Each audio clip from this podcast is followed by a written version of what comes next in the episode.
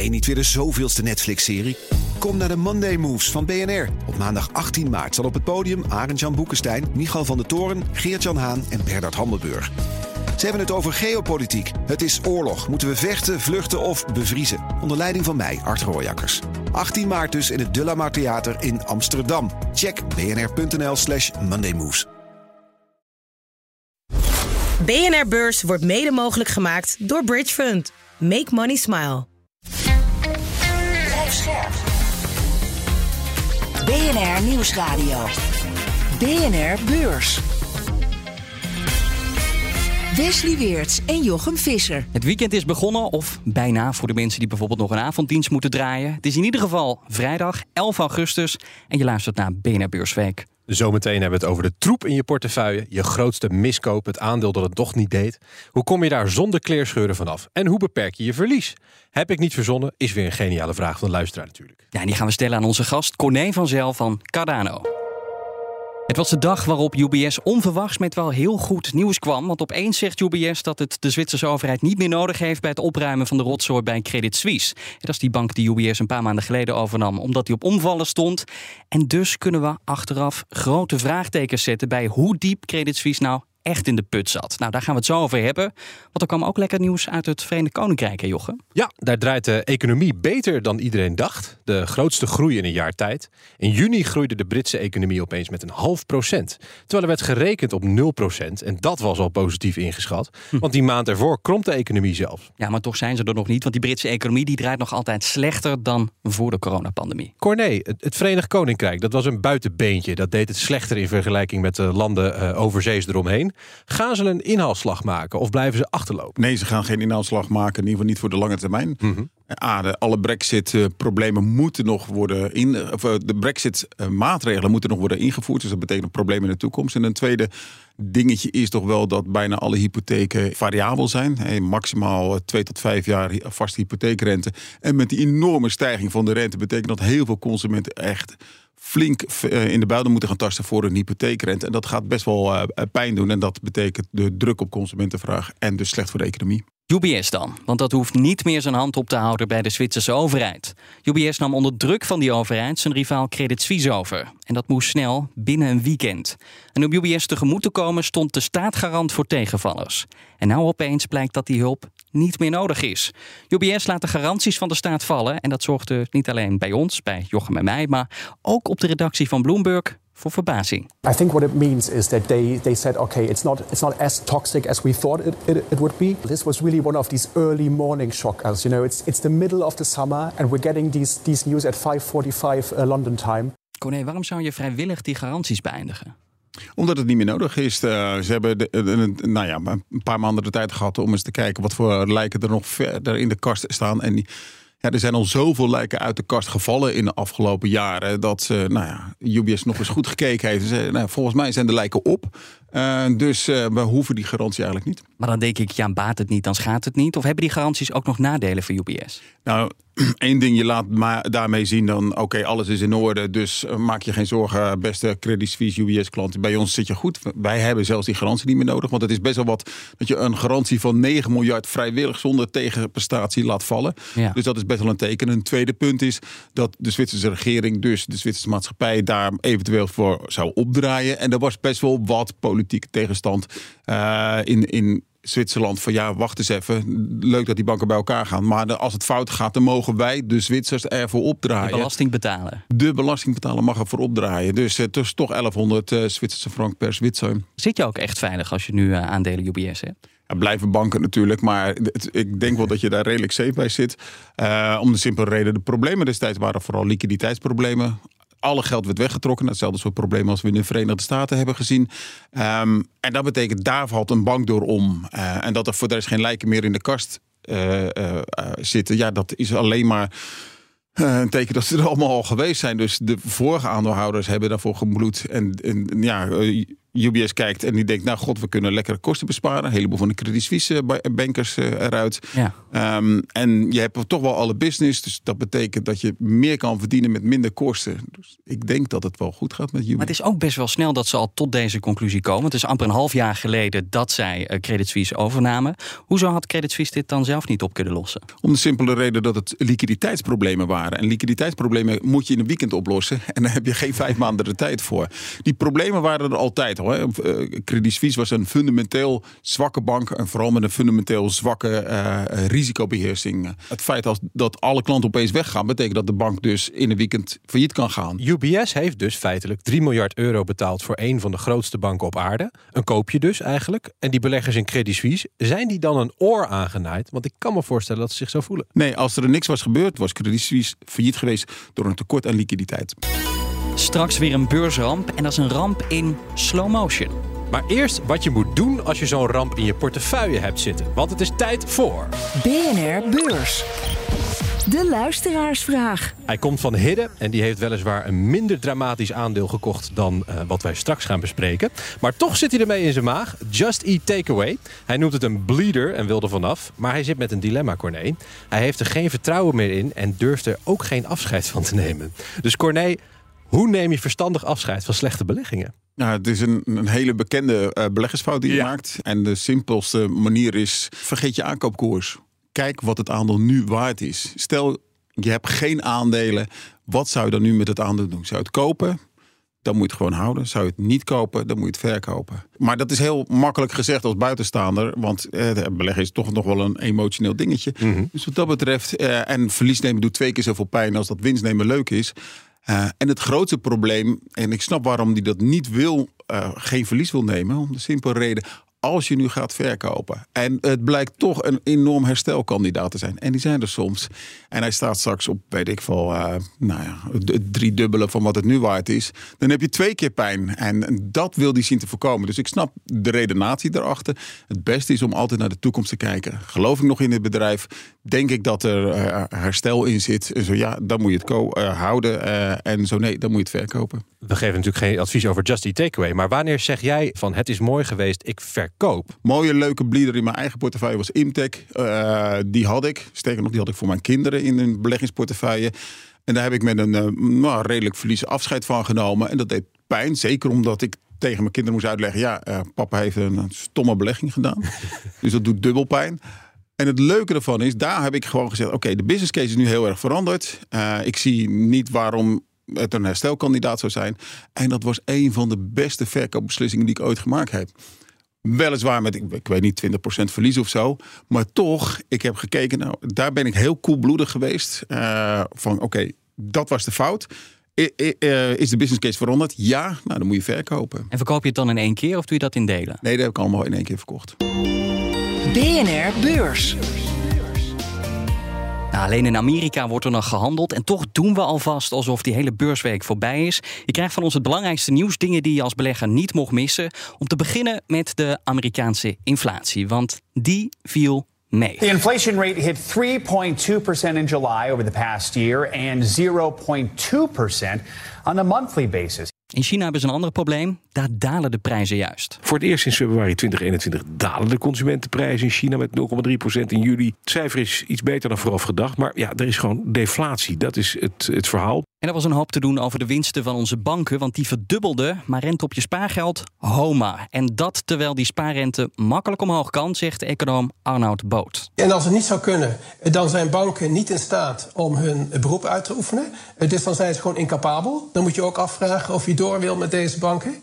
Eh, het is zelfs absoluut een noodzaak. In Italië maken ze korte metten met die bankenwinsten. Maar dat is dan misschien ook weer geen goed idee. Daar komt een belasting van 40% En WeWork dreigt om te vallen. Het bedrijf twijfelt aan zijn eigen voortbestaan. The company issued concerns regarding its survival. WeWork says co-working clients are canceling their membership. The shares plummeting 28.5%. Maar er gebeurde meer. Zo kwam Ahold met cijfers. Amerika was lange tijd de grote redding. Terwijl de marges in Europa kwartaal na kwartaal daalden, wist Ahold in zijn Amerikaanse supermarkten de marges juist op te schroeven. Tot nu. Want ook daar wordt nu minder verdiend aan boodschappen. Hoe komt het dat ook daar die marges teruglopen, Corné? Simpelweg om- door eh, minder inflatie. Dat betekent dat je je prijzen minder makkelijk kan verhogen. En eh, het grote verschil tussen Europa en de Verenigde Staten is... Ja, als daar de prijs omhoog gaat, dat je heel makkelijk die prijzen kan verhogen. En hier krijg je een enorme storm van kritiek over je heen. En in Amerika wordt dat veel meer geaccepteerd. En dus het betekent dat je automatisch daar een hele mooie inflatiebescherming hebt door het aandeel Ahold te kopen. Het grappige is dat het nu dus omdraait. En bovendien zie je dat de, eh, ze hebben vrij veel loonkosten. En die loonkosten die lopen altijd door. Eh, dus ze, hebben dus relatief veel loonkosten die nog doorstijgen, terwijl de afzetprijzen wat minder stijgen. Nou, dat betekent dat je dus een negatieve cap komt. En de, vandaar dat de marges daar wat onder druk staan. Let wel, de marges zijn daar nog steeds een minimaal een procentpunt hoger dan hier in Europa. Dus, eh, Ja, maar als daar nu ook dus het kantelmoment is aangebroken, betekent dat dan ook dat Ahold de komende tijd gewoon minder geld gaat verdienen? Ik verwacht het wel, omdat ja, die loonkosten die blijven nog wel even doorlopen Ja. in de Verenigde Staten. En als je dus een lagere inflatie hebt, je had het net over de inflatiecijfers, nou, die gaan de goede kant op. Eh, en dat betekent dus dat, dat je dus het, het simpelweg minder kan doorprijzen en dus staat je marge onder druk. Dus die consument die verwacht dan ook een lagere prijs zodra die in de supermarkt staat. Maar is er voor Ahold dan überhaupt nog wel ruimte om iets die marge te vergroten? Nee, die, die margeruimte hebben ze wel, maar dan vooral in Europa. Eh, eigenlijk, hè, je, had, je had een tijdje geleden heel veel commentaar over de Ahold-cijfers. En dat sloeg helemaal nergens op, want in Europa bleven die marges zelfs onder druk staan. Die gingen naar beneden toe. En eh, nu, nu gaan ze in Europa wat beter. Nu hoor je geen kritiek. En eigenlijk is dat heel vreemd, maar goed, dat is politiek natuurlijk.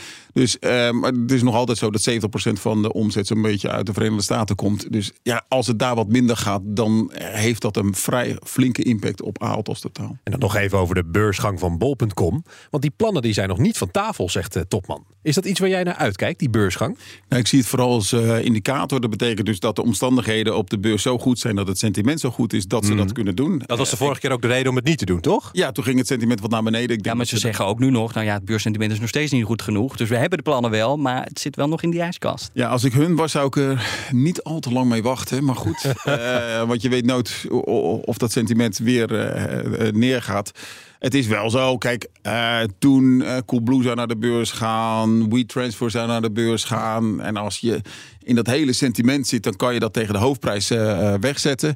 Ja, het sentiment is nu wel wat veranderd. Heeft het eigenlijk de potentie straks als bol.com, hè, als dat echt een beursbedrijf is, om in de AX te belanden? Of is dat een maatje te groot? Goed, daar zou ik eventjes de berekening op moeten loslaten. Wie, wie dan nummer 25 is en of ze die moeten inhalen. En dat hangt ook af van de free float, dus het percentage wat ze naar de beurs gaan brengen. Want de, de verwachtingen zijn dat ze eh, bij far het grootste gedeelte nog zelf in portefeuille houden. Ja, geen tijdsdruk. Je hebt nog even de tijd om dat goed eh, uit te rekenen. Dan naar Disney, want dat sluit opnieuw een kwartaal af met verlies van honderden miljoenen dollars. Komt vooral doordat streamingdienst Disney Plus niet goed draait. Dat blijft geld verslinden. Miljoenen klanten stappen op. En wie wel blijft, ja, die moet meer gaan betalen voor zijn abonnement. CEO Bob Iger is desondanks vastberaden. Want die streamingtak die moet winstgevend worden. Maar Corné, ja, kan dat wel samen? Hè? Weglopende klanten en winst maken. Ja, dat kan omdat je kostenbasis heel fixed is. Eh, alle kinderen willen toch altijd de, de Disney-filmpjes eh, eh, zien. En die al bij wijze van spreken eeuwen geleden gemaakt zijn. Maar dan moeten papa en mama wel betalen. Dan moeten papa en mama wel betalen. En gemiddeld moeten ze 27% meer betalen dan een jaar geleden. Dus daar zit een flinke inflatie nog steeds. Ik denk dat de meeste ouders dat wel graag willen. Die hebben graag zoete kindertjes achter een eh, iPad. Ik, ik denk dat het een verstandige strategie is. Als je het winstgevend maken. Bovendien zie je dat concurrentie ook die kant op gaat. Dus dat is niet zo erg. Het is wel zo. ehm, Disney heeft bijvoorbeeld ook nog een hele grote Indiaanse tak. Daar verdienen ze eh, 59. De, abonne- gemiddelde abonnement is daar 59 cent per maand. Dus even iets anders dan hier in de Ja, dat westerse is wereld. goedkoop zeg. En dan loopt het ook het aantal eh, eh, terug. En daar, en daar zit je met een probleem. En dat is best wel een, een relatief grote tak voor Disney. Ja, dat, en daar kunnen ze ook niet vanaf komen. Dat is wel een, eh, een probleem, maar dat is zo goed als afgeschreven. Maar ja, jij zegt dus op de vraag: ik kan het samen weglopende klanten en winst maken. Dat kan, maar je hebt toch ook schaal nodig? We hoorden bij Netflix de hele tijd van ja, we moeten een bepaalde grootte hebben voordat wij ook daadwerkelijk winst maken. Netflix maakt nu winst, maar ja, bij Disney lopen de klanten weg. Inderdaad. Nou ja, Disney zit iets anders in de wedstrijd dan eh, Net- Netflix. Bij Netflix moeten er heel veel nieuwe series komen. Bij Disney zit het iets meer in de sport en in de, eh, ja, de Disney-films die mensen altijd wel, of die kinderen altijd wel blijven zien. En dat zijn voordelen die Netflix niet heeft. Nou, de vorige CEO die ging weg omdat het niet lukte om de streamingtak eh, winstgevend te maken. Hoe gaan ze dit oplossen?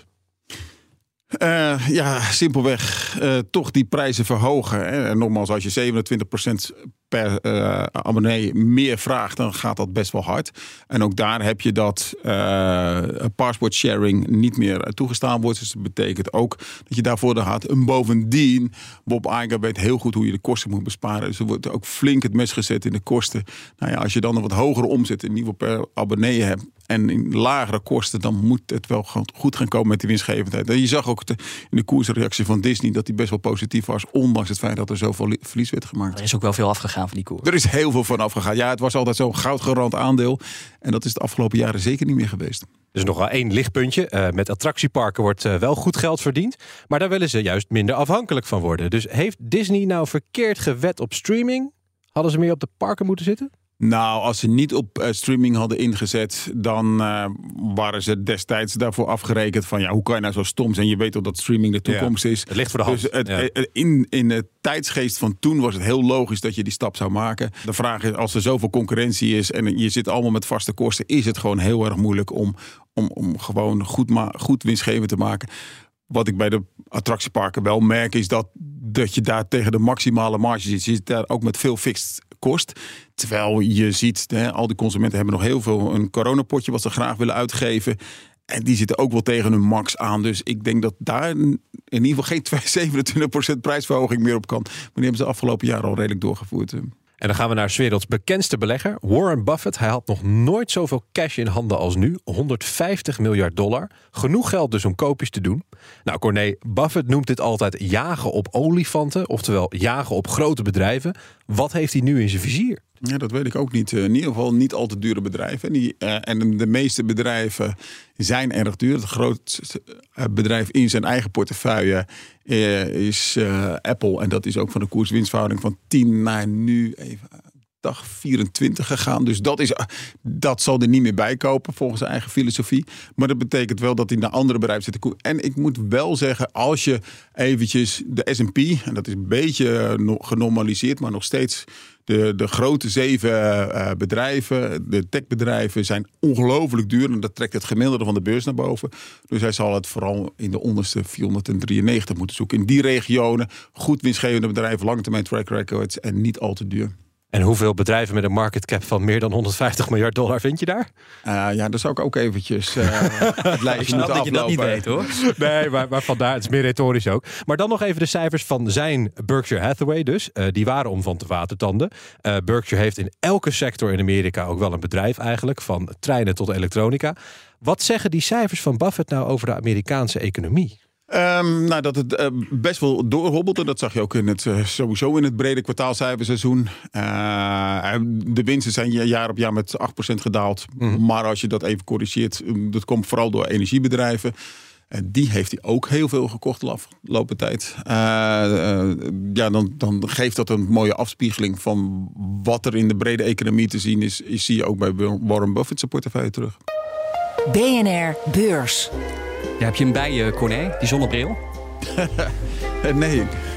Het is wel warm buiten nou. Hij heeft wel zijn motorjack aan, hè? Heb je dat gezien? Een, ja, zonnevizier op mijn helft staan. Dus, uh. nou ja, het is uh, zwembroek en bikini weer. Het is warm en we zijn aanbeland bij onze zomerrubriek. En die draait al de hele week om de allergrootste beursflops. En er kwamen behoorlijk wat missers voorbij. Het eerste wat bij me opkwam was World Online. Ik wil het hebben over Weight Watchers of uh, WW International, zoals het nu heet. Niet veel mensen zullen het kennen, maar het is Workhorse. Ja, uiteindelijk voor Beyond Meat gekozen. Eigenlijk snap ik het nog steeds niet. Ze gingen uh, elektrische bestelbussen maken en die, uh, die deden het niet. Heel veel hype, twintig keer overtekend. Nou, uiteindelijk uh, iets hoger geopend, maar nauwelijks hoger gesloten. En vanaf daar is het bijna één lange glijvlucht naar beneden geweest. Of niet eens een glijvlucht, een gewoon een snoekduik. Toen de keizer geen kleren bleek te hebben, toen ging het snel naar beneden. Heel veel flops. Welke heb jij meegenomen, Corné? Ja, toch wel eentje van een hele andere orde. Ik bedoel, dit is heel aantrekkelijk en de mooiste woord online is, is al voorbij gekomen natuurlijk. Dus ik heb hem wat onbekender genomen. En ook niet, ik denk niet dat hij onder de noemer grootste beursflop komt, want het is eigenlijk maar een vrij klein bedrijf. Het is een kleine beursflop. Het is een kleine beursflop, maar wel een pijnlijke en een heel langdurige. Uh, en dat is het bedrijf Axis. Dat is een prachtig bedrijf. Ook qua duurzaamheid denk je van, nou ja, god, mooier dan dit kan je het niet krijgen. Wat ze doen is ze hebben gewoon simpelweg waaiboomenhout. Wat ze dan met hun eigen goedje overgieten. En dan krijg je heel duurzaam hout. En dan krijg je een soort tiekhout. Eh, Stevig. Dus stevig hout. Er worden bruggen van gebouwd, er worden gebouwen van gebouwd. En dat, dat kan je dus met heel simpel hout eh, doen. En dat is wel. Dus het idee is goed. Dus de hoop op een briljante performance is ook goed.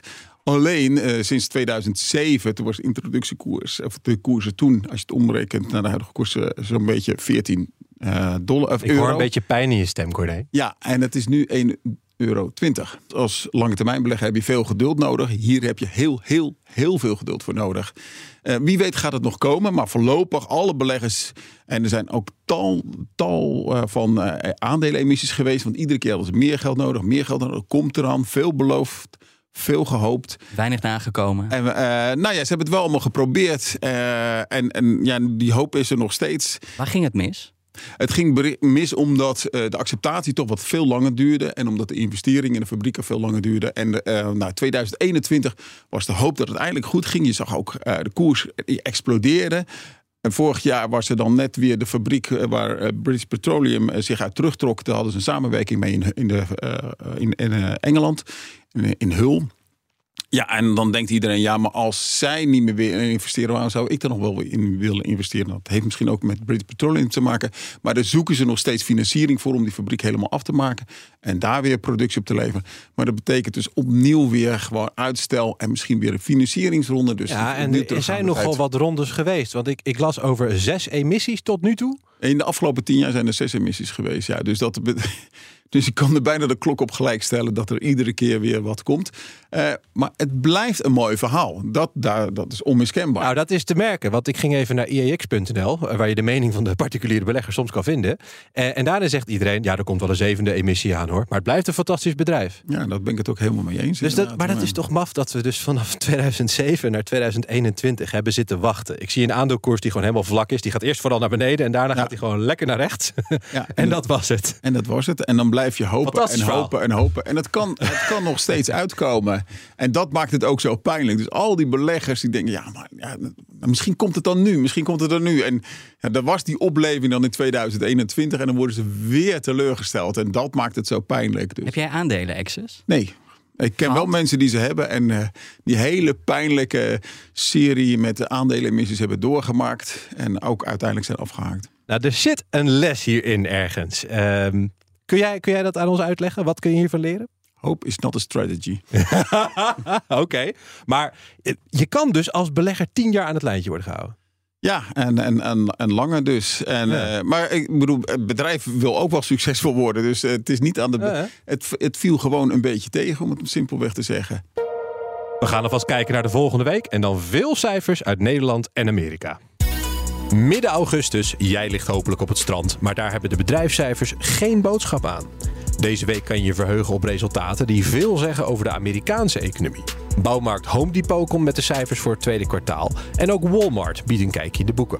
Terug in Nederland kan je je verheugen op chemieconcern Avantium, bouwbedrijf BAM en ook Fastnet laat weten hoe hard het gaat met de laadstations langs de snelweg. Vergeet ook zeker Adyen niet. Met de halfjaarcijfers over betalingsverkeer krijg je een mooi kijkje in ons consumentengedrag. Veel plezier met de rest van het cijferseizoen. Maar het is eerst tijd eh, voor weekend, dus eh, tijd om af te sluiten. Dit was hem, de Beursweek. Dankjewel, Corné van Zel van Cardano. Jij bedankt voor het luisteren. Geniet van je weekend. En tot maandag. Tot maandag. BNR Beurs wordt mede mogelijk gemaakt door Bridge Fund. Make money smile. Hoi, Bob Snoer hier van Salesforce. Ontdek het nieuwe seizoen van Aanjagers. Patrick Willer en ik spreken iedere aflevering inspirerende gasten over verschillende thema's zoals leiderschap, diversiteit en innovatie. Luister Aanjagers via je favoriete podcastplatform Aanjagers, de podcast voor mensen die durven te veranderen.